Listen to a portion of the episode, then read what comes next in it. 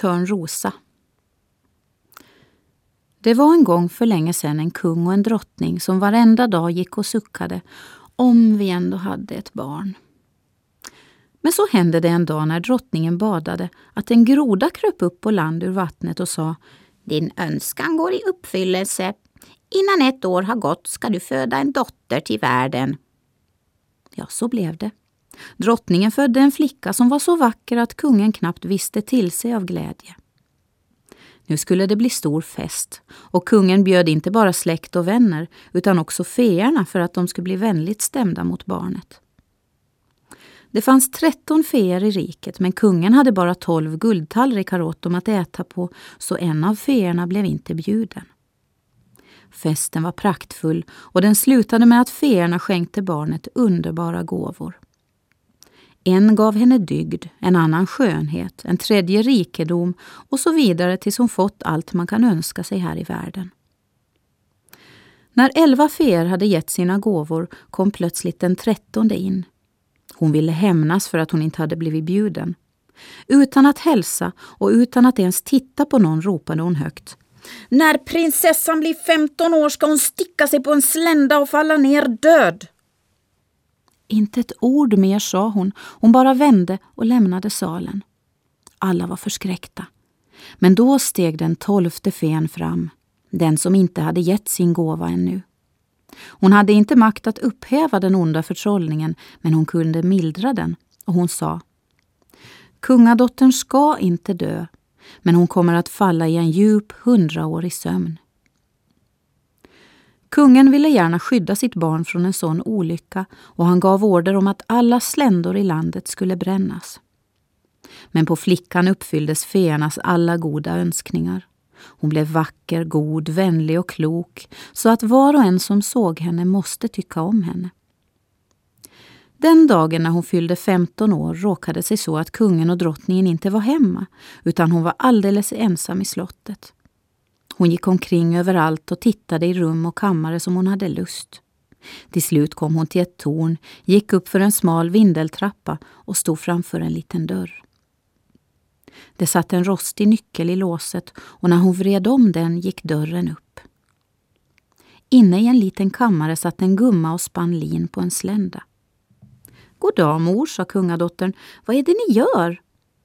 Jag spinner, sa gumman. Men vad är det där för någonting som snurrar så lustigt, undrar flickan. Hon tog sländan och ville spinna hon också, men hon hade knappt rört vid sländan förrän trollformeln verkade och hon stack sig i fingret och föll i djup sömn. Över hela slottet bredde sömnen ut sig. Kungen och drottningen hade just kommit hem och hunnit in i salen. De somnade strax och med dem hela hovet. Hästarna somnade i stallet, hundarna på gården, duvorna på taket, flugorna på väggen. Ja, till och med elden som fladdrat i spisen blev stilla och somnade. Steken slutade puttra och kocken som just skulle lugga kökspojken för något ofog släppte taget och somnade. Och vinden lade sig och på träna framför slottet rörde sig inte ett löv längre.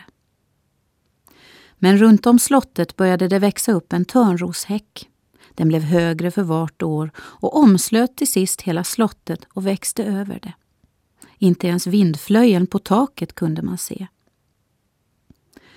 Ute i landet berättades sagan om den sköna sovande prinsessan som kallades Törnrosa. Tid efter annan kom det därför kungasöner som försökte tränga igenom häcken och ta sig in i slottet. Men det var omöjligt, för de taggiga grenarna höll ihop så fast som om de haft händer. De unga männen fastnade och kunde inte ta sig loss utan dog en sorglig död. Det gick en lång, lång tid men sen kom det ännu en gång en kungason till landet. Han fick höra en gammal gubbe berätta om Törnroshäcken. Det skulle finnas ett slott där bakom och en vacker kungadotter som kallades Törnrosa sov i slottet sedan hundra år tillbaka. Gubben hade hört av sin farfar att många kungasöner redan försökt ta sig igenom häcken, men att det hade kostat dem livet. Den unge prinsen sa, jag är inte rädd, jag ska dit och se den sköna Törnrosa. Och han ville inte lyssna på gubben som försökte avråda honom. Men just nu var det hundra åren gångna och den dag hade kommit då Törnrosa skulle vakna igen. När prinsen kom fram till häcken var den täckt med stora vackra rosor som skilde sig åt och släppte igenom honom oskadd. Bakom honom slöt det sig igen till en häck. På slottsgården såg han hästarna och de fläckiga jakthundarna ligga och sova. På taket satt duvorna med huvudet under vingen. Han gick in och där sov flugorna på väggen. I köket stod kocken och höll handen som om han ville lugga kökspojken. Kökspigan satt framför den svarta tuppen som skulle plockas. Han gick vidare och fick se hela hovet ligga och sova i stora salen. Han fortsatte och allt var så tyst att han kunde höra sin egen andhämtning. Och till sist kom han till tornet och öppnade dörren till den lilla kammaren där Törnrosa låg och sov. Hon var så vacker att han inte kunde ta ögonen ifrån henne. Han böjde sig ner och kysste henne.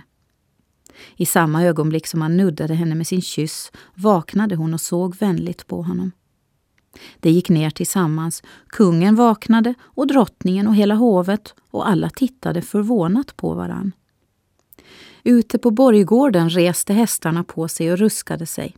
Jakthundarna hoppade upp och viftade på svansen. Duvorna på taket drog fram huvudet under vingen, såg sig omkring och flög ut på fältet.